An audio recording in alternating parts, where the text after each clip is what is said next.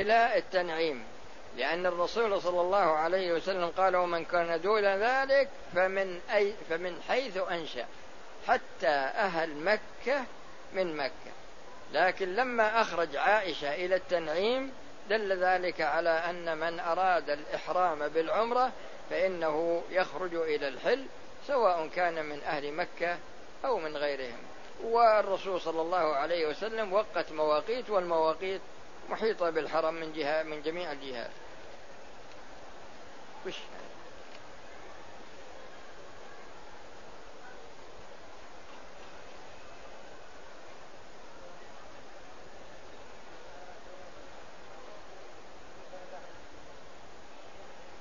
هذا يعني يقول الدعاء ربنا آتنا في الدنيا حسنة وفي الآخرة حسنة. الله سبحانه وتعالى كريم. ويدعو الإنسان بما يريد من أمر دينه ومن أمر دنياه ومن أمر آخرته.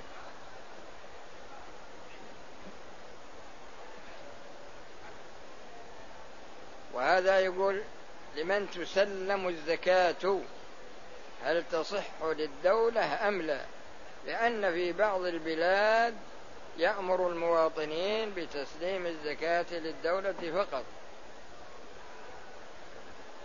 دولة إذا كانت مسلمة وتصرف الزكاة في مصارفها الشرعية مثل ما هو موجود عندنا ما في مانع من تسليم الزكاة لها. لكن إذا كانت الدولة كافرة أو كانت مسلمة لكنها لا تصرفها في مصارفها الشرعية فلا يجوز للإنسان أن يسلم الزكاة لها. وهذا يسأل عن حكم اختلاط الرجال بالنساء أثناء الصلاة أو طواف البيت. يعني يبي الحريم يطلع من الميقا من من المطاف خصص له وقت مثلا لا يا أخي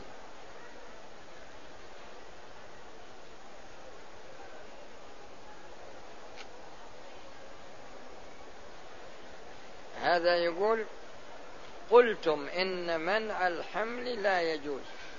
فإذا كان منع الحمل لضرورة فيه بعض الناس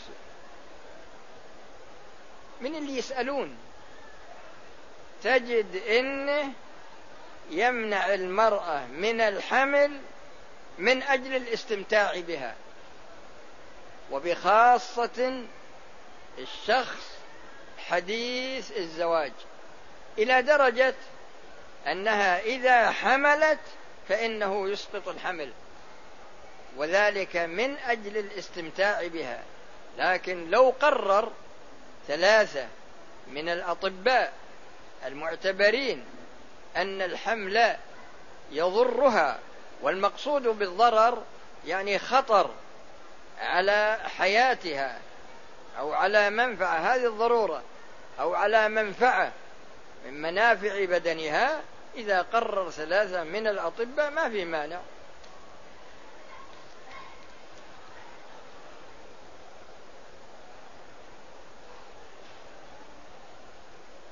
وهذا يقول إذا صلينا على الميت ودعونا هل آه، يصله الدعاء ولا ما يصله؟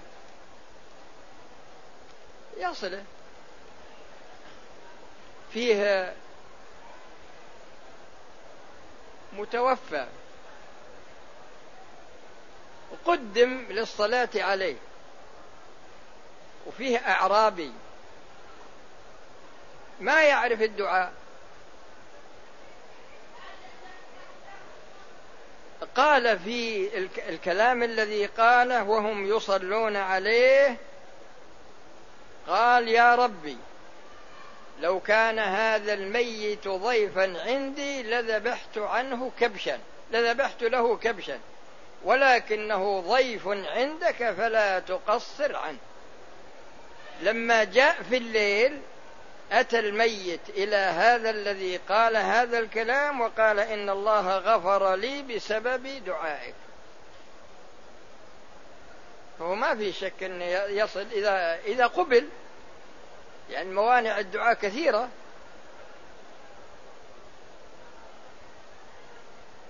وهذا يسأل الموحد وإن كان يعمل الكبائر هل يدخل في النار؟ الذين يدخلون النار ويخلدون فيها من مات على النفاق الأكبر أو مات على الكفر الأكبر أو مات على الشرك الأكبر بجميع أنواعها لأن كل واحد من هذه الثلاثة له أنواع متعددة. أما إذا مات على الشرك الأصغر فإنه لا يغفر لكن إما أن يدخله الله الجنة ويأخذ من حسناته بقدر شركه أو يدخله النار ويطهره ومآله إلى الجنة. أما الكبائر الأخرى مثل الزنا والسرقة وشرب الخمر فهذه تحت مشيئة الله إن شاء عفى عنها وإن شاء عذب لكن فيه أسباب أنا أحب أنبهكم عليها لأنها تنفع في هذا المقام. هذه الأسباب منها التوبة.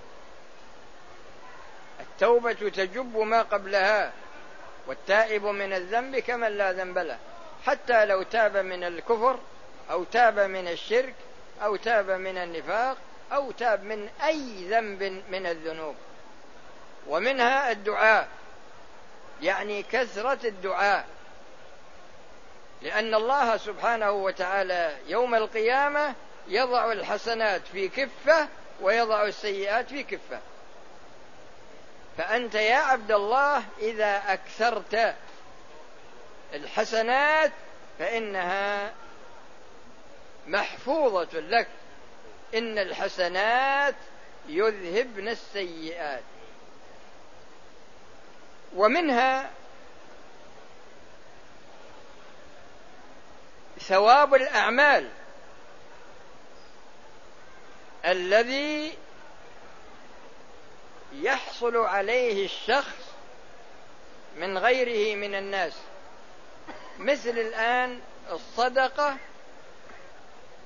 من الإبن للأب أو الصدقة من مسلم إلى مسلم. سواء كان حيا أو كان ميتا.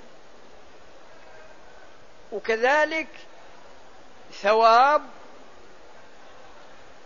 الأعمال التي عملها الناس ضده مثل الغيبة ومثل النميمة ومثل الظلم إلى غير ذلك من الأمور. فإنه يثاب على هذه لأنه يأخذ من حسناتهم. لأنه يأخذ من حسناتهم. فهذه أربعة أسباب خاصة للشخص نفسه.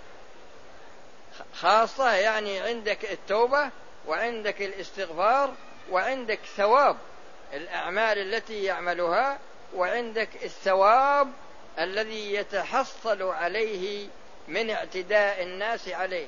في أسباب كثيرة لكن هذه أربعة خاصة بالشخص. لا لا اكتبه. لا يضيع علينا الوقت. ما القول الصحيح؟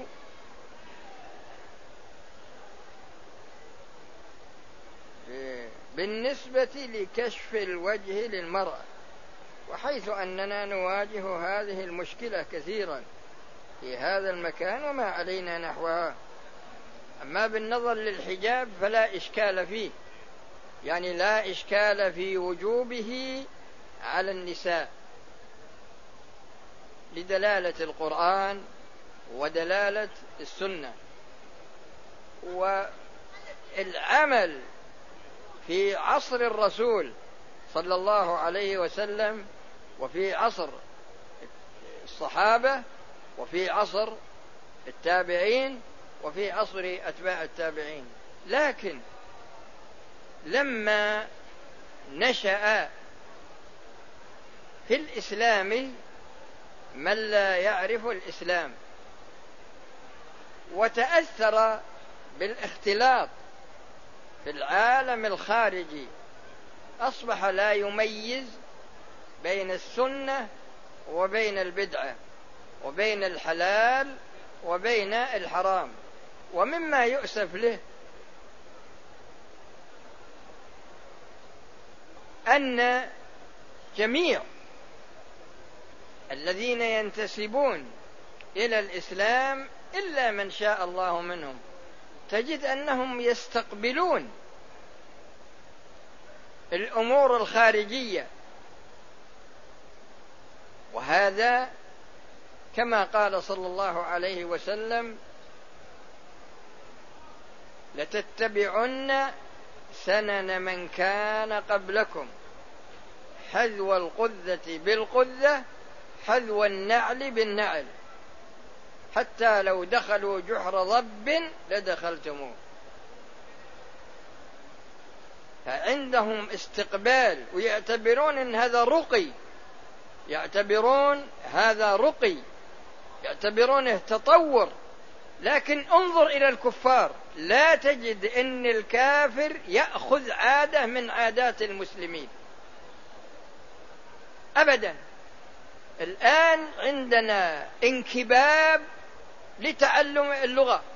لكن لا تجد واحد منهم يتعلم اللغة من أجل أن يستعملها ببيته لكن مستشرق يبي يكشف أحوال المسلمين يصير جاسوس هذا يتعلم لهذا الغرض. تزوج رجل امرأة هو عربي وهي كافرة نصرانية. فحاول أن تدرس اللغة العربية من أجل سهولة التخاطب بينها وبينه وبينها وبين أولاده.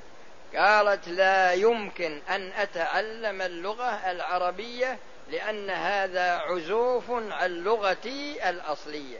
لكن حنا نسند اللغة العربية ونعتبر إن تعلم اللغات الأجنبية هذه نعتبرها تطور صحيح تعلمها للحاجة ما في مانع.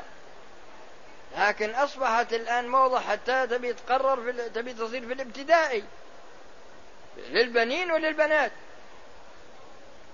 هذا داخل في عموم حديث لتتبعن سنن من كان قبلكم حذو القذة بالقذة. أثناء الطواف في حالة نقض الوضوء يتم الوضوء لكنك تستأنف الطواف من أوله. هل يجوز طواف بعض الأشواط؟ أي ما في مانع هذا. لكن انك لكن إنك تكمل الأشواط تكميل دقيق. لا تبدأ من الأول. لقد وجدت في الدورات مبلغ ثلاثة ريالات. لا يا أخي تصدق بها.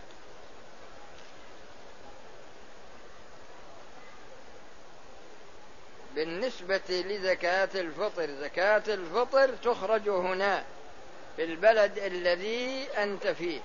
أما زكاة المال فإنها تخرج في بلد المال.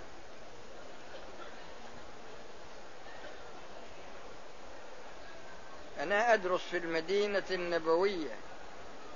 فبماذا توصيني من المشائخ الموجودين في الحرم خاصة الفقهاء؟ يا أخي احضر مجلس كل واحد منهم. وانظر إلى الشخص الذي تستفيد منه. أما أنا ما أعرف إلا الأسماء لكن الحقائق العلمية ما أعرفها علشان أقول اترك فلان وروح مع فلان. لا لا تشغلون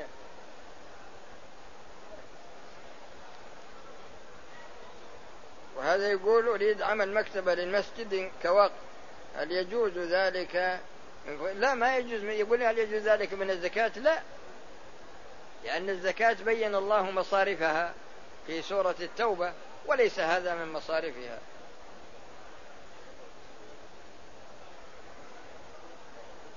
يقول أنا قليل الخشوع في الصلاة فبماذا توصيني؟ يا أخي حاسب نفسك. هل أنت مقصر؟ بترك واجب أو مقصر بفعل محرم.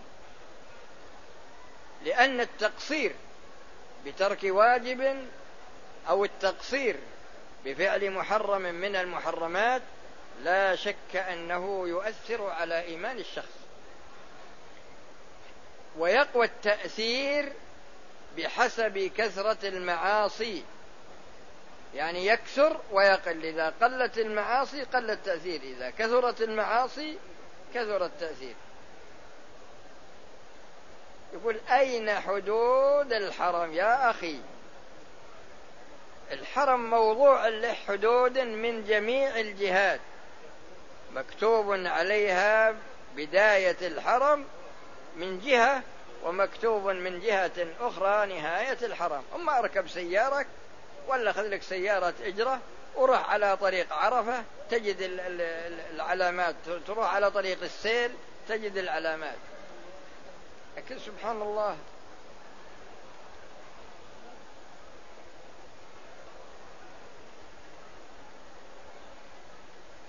هذا يسأل عن الطواف بحجر إسماعيل. إذا طاف داخل حجر إسماعيل فإن الطواف لا يصح لأن حجر إسماعيل هذا من البيت. والرسول صلى الله عليه وسلم قال لعائشة لولا أن قومك حديث عهد بكفر لهدمت الكعبة ولبنيتها على قواعد إبراهيم. لكن إذا صلى بركعتين هذا ما فيه لأن الرسول صلى في في الكعبة. زوجتي بعد أن أنجبت ثلاثة ترفض بعد ذلك الإنجاب وتقول إذا كنت تريد أولاد تزوج مرة ثانية. هي لا يجوز لها أن تمتنع لأن هذا أمر مشترك بين الرجال والنساء. هي تكون عاصية. لا يجوز لكن ما دام أنها أذنت لك فبإمكانك أنك تتزوج إذا كنت تستطيع. أما المنع فليس لها حق. تكون آثمة.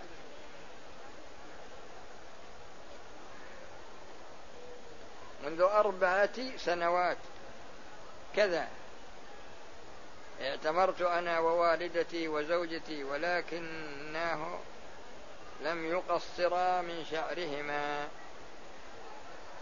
إذا كان ما تم التقصير إلى الآن ف فيكون ما حصل من جماع هذا تجب فيه فدية وكذلك المحظورات الأخر ويتم التقصير الآن.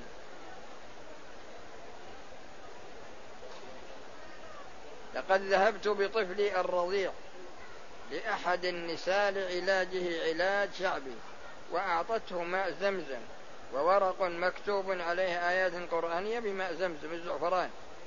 وطلبت منا وضع الأوراق المكتوب عليها الآيات القرآنية في ماء كشراب فما حكم ذلك؟ الرسول صلى الله عليه وسلم قال ماء زمزم لما شرب له. ويكفي إذا أردت أن تتعالج يكفي أن تشرب ماء زمزم فقط وتنوي. إذا أردت بشربه حصول العلم إذا أردت حصول المال إذا أردت صلاحك أنت إذا أردت صلاح ولدك المهم أن يوجد عندك نية لل يعني تكون يعني للغرض الذي تريد أن تشرب ماء زمزم من أجله.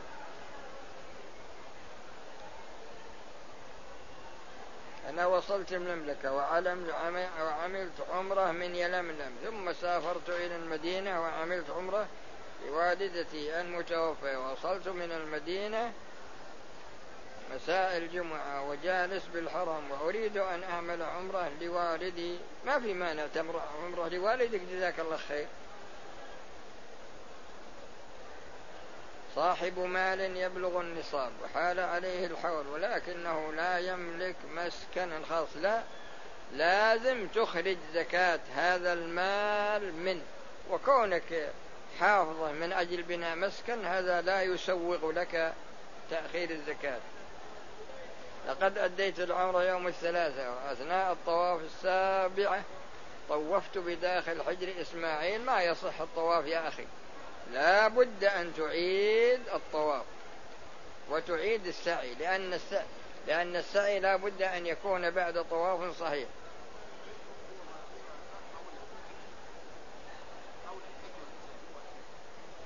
شو؟ يقول طفت داخل الحجر هو عربي ما هو بأنت. لا لا تشغلنا لا تشغلنا لا تشوش علينا. أنا أتكلم عن جواب عن سؤال ما أتكلم عن اللي في رأسك أنت. اللي في رأسك كتبه وعطني إياه ونجاوب عليه. لا يا شيخ لا تشغلنا لأنها تصير فوضى. كل نبي حسي اكتب اللي تبي وعطني ما. هل يجوز العمرة عن الموتى؟ نعم، ما المقصود بقوله ومن لم يحكم بما أنزل الله؟ هذا ما يحتاج إلى إلى إلى شو اسمه، ومن لم يحكم بما أنزل الله فأولئك هم الكافرون، ومن لم يحكم بما أنزل الله فأولئك هم الظالمون، ومن لم يحكم بما أنزل الله فأولئك هذا ما يبي ما يبي سؤال. الله حكم عليهم بهذه الصفات. أنا أديت مناسك العمرة اليوم ومعي والدتي وأنا خلال السعي. أدري وش أنني لم أنوي. ماذا علي؟ إذا كنت جيت للبيت بنية الطواف وخرجت إلى المسعى بنية السعي فإن هذا يكفي. هذا خلاص؟ لا تكلم اكتب كتابة لا تشغلني. بالنسبة للسؤال اللي لا تشغلني إذا خلصنا لا تشغلني. سبحان الله. في العام الماضي أديت طواف الإفاضة. أديت طواف الإفاضة والوداع. في طواف واحد إن شاء الله ما عليك إلا العافية.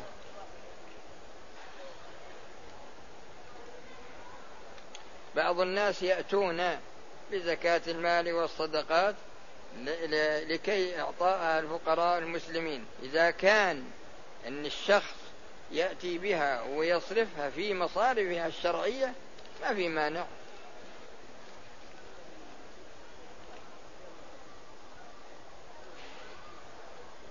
وهذا يقول ما يحكم شراء الأسهم والسندات؟ والتعامل بها. والله يا أخي أنا لا أعرف الأسهم ولا أعرف السندات لأن الآن كثير من البنوك وكثير من الشركات تتعامل بالربا. جميع كثير من الشركات اللي تباع وتشترى أسهمها تجدون أنها تتعامل بالربا. مثلا عندها فائض تقرضه بفائدة احتاجت تقترض بفائدة. ولهذا أنا ما أفتي في جواز البيع والشراء فيها. رجل عمل عمرة للوالد المتوفى وهي في بلد إيه؟ للوالد. ما أدري وش هذه. وهي في بلد بعيد فهل يكون لها أجر العمرة؟ إذا كانت عاجزة واستأذنتها ما في مانع.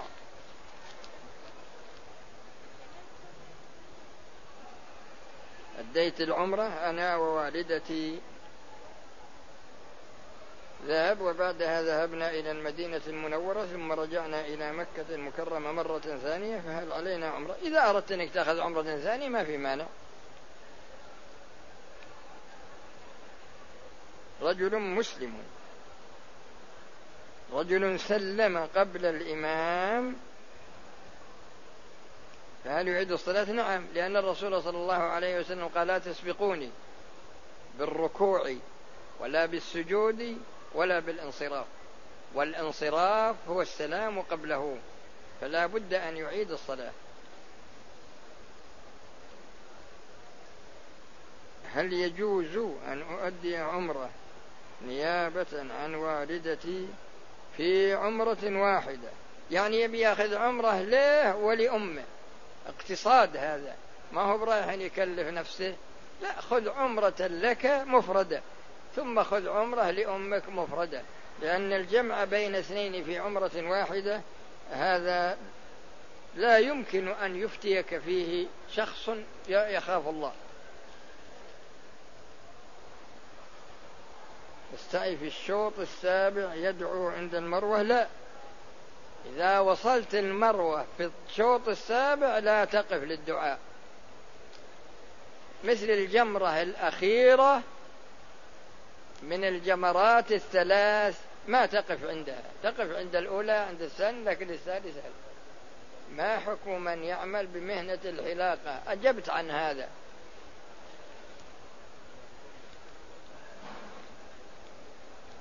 إذا ماتت إذا فاتت الركعة الأولى من صلاة الكسوف. صلاة الكسوف تدرك الركعة بإدراك الركوع الأول. لأن الأول لأن الإمام يركع ركوعين. يقرأ الفاتحة ويقرأ سورة ثم يركع ثم يرفع ثم يقرأ مرة ثانية ثم يركع. فالركعة تدرك بإدراك الركوع الأول. أما إدراك الركوع الثاني فلا تدرك به الركعة.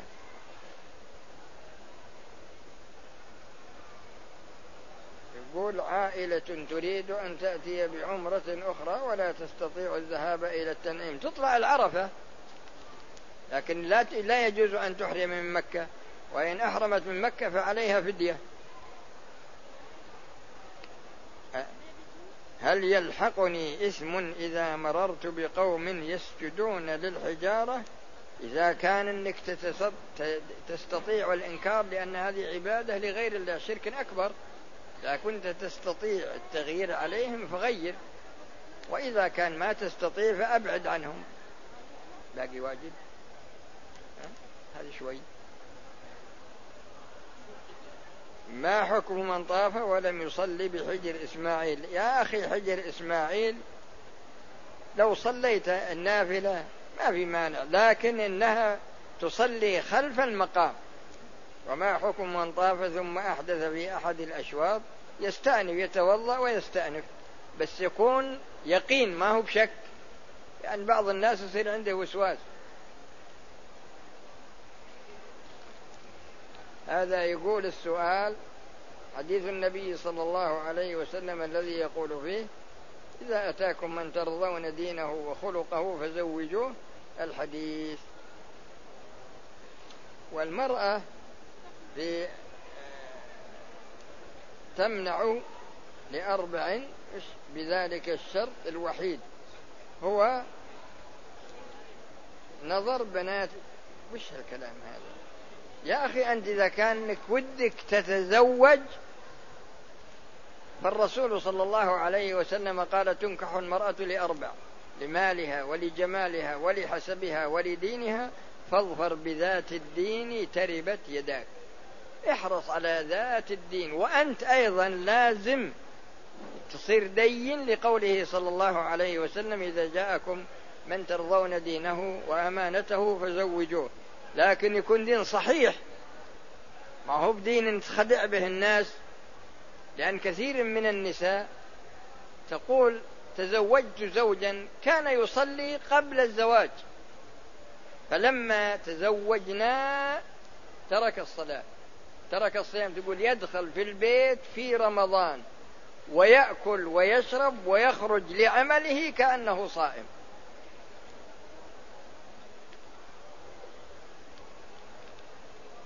السؤال الثاني هل عندما يأتي الإمام يذكر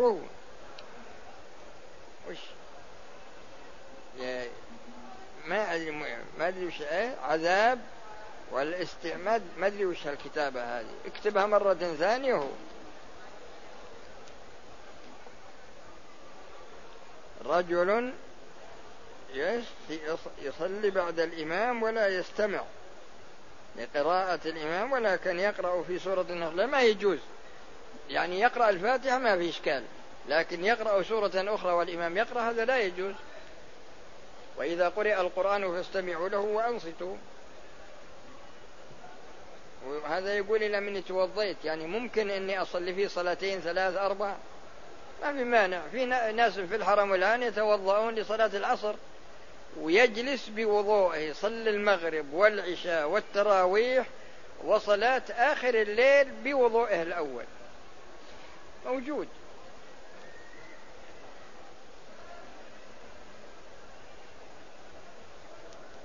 أنا أديت مناسك العمرة.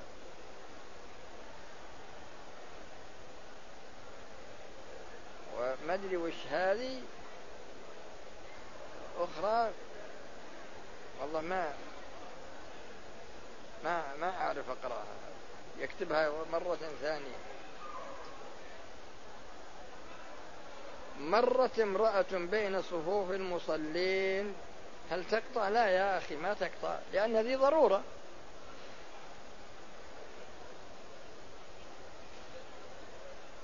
وهذا يقول يعني الواحد يرفع أصبعه في التشهد. نعم. ما في مانع. يقول ما هي الفدية لمن لم يحرم من التنعيم بسبب عدم ما أدري وش الكلمة. إذا أحرم من مكة فعليه فدية. تجزئ أضحية. تذبح في مكة وتوزع على فقراء الحرم. وإذا كان لا يستطيع يصوم عشرة أيام. فكونا من الكلام. كأن هذا ما ما يكتبون كتابة كتابة ضعيفة بالحيل شوف ما سمعته؟ فدية. أنا أجبت. أنا أجبت لكن يمكن فكرك مشغول.